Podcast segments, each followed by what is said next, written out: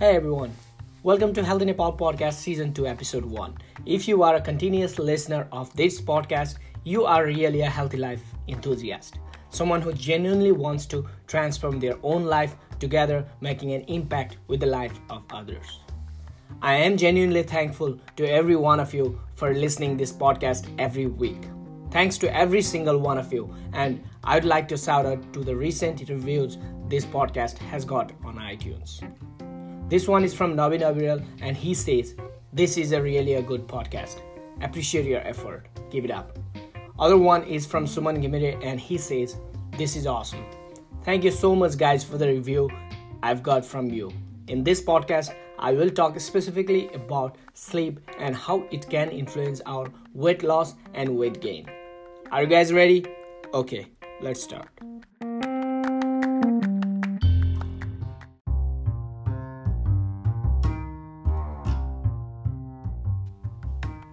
The amount of sleep you get is just as important as you exercise.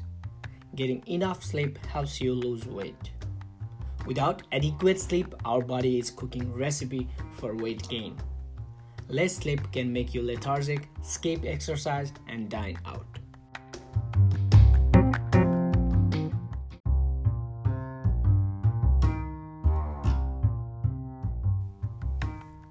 Poor sleep pattern can be linked to overweight and obesity.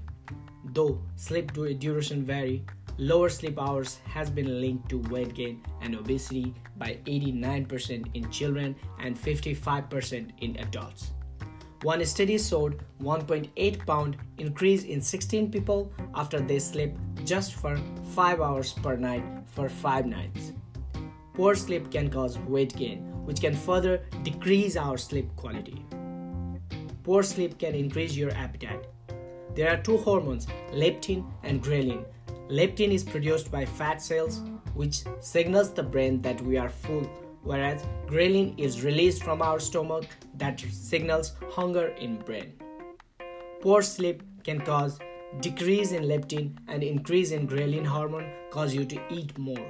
Also, the stress hormone cortisol seems to be higher when you don't sleep.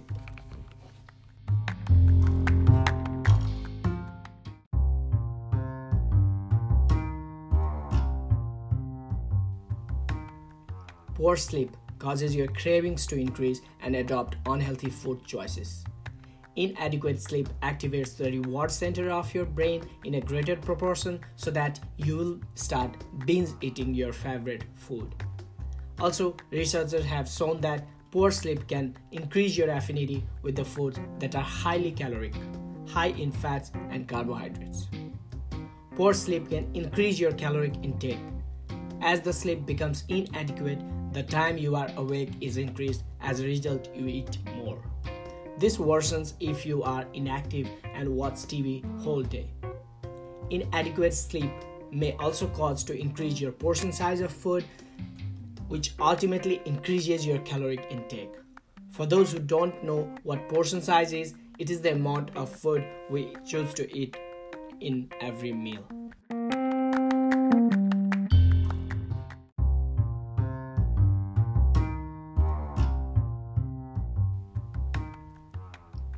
Poor sleep may decrease your resting metabolism.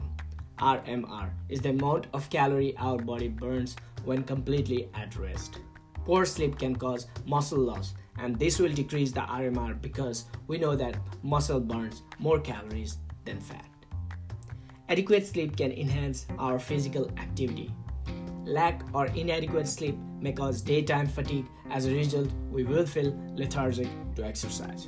So, to improve our physical fitness and performance, why don't we have an adequate sleep? Adequate sleep helps prevent insulin resistance. Insulin is a hormone that produces sugar which is transported to different parts of the body. When cell becomes insulin resistant, sugar in the bloodstream increases and the insulin level also increases to compensate. This signals our body to store the remaining sugar as fat. As a result, it promotes type 2 diabetes and weight gain. It is said that only a few nights of inadequate sleep can promote insulin resistance.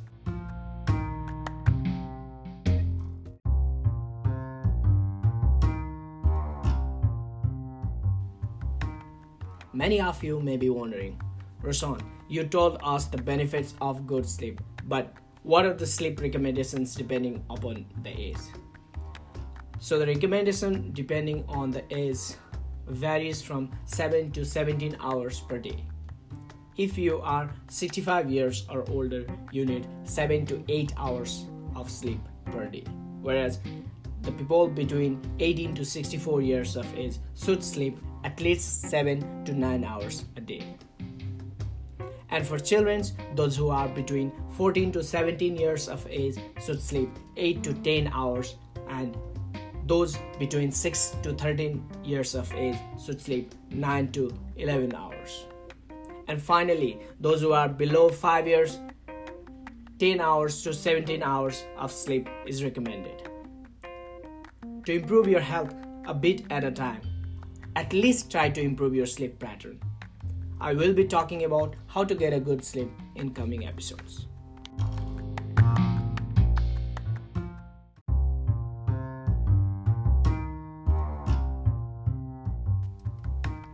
These informations I have provided are for the awareness of general people. Please make an effort to share with those who need to know. You can listen to this podcast on Apple Podcast, SoundCloud, Google Podcast, and YouTube. Please don't forget to like, subscribe, and share to everyone.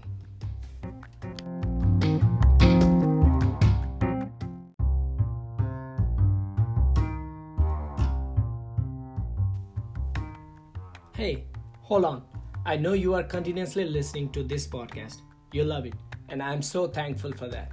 But if you haven't shared this with anyone, please, I kindly request you to do that. I am watching you.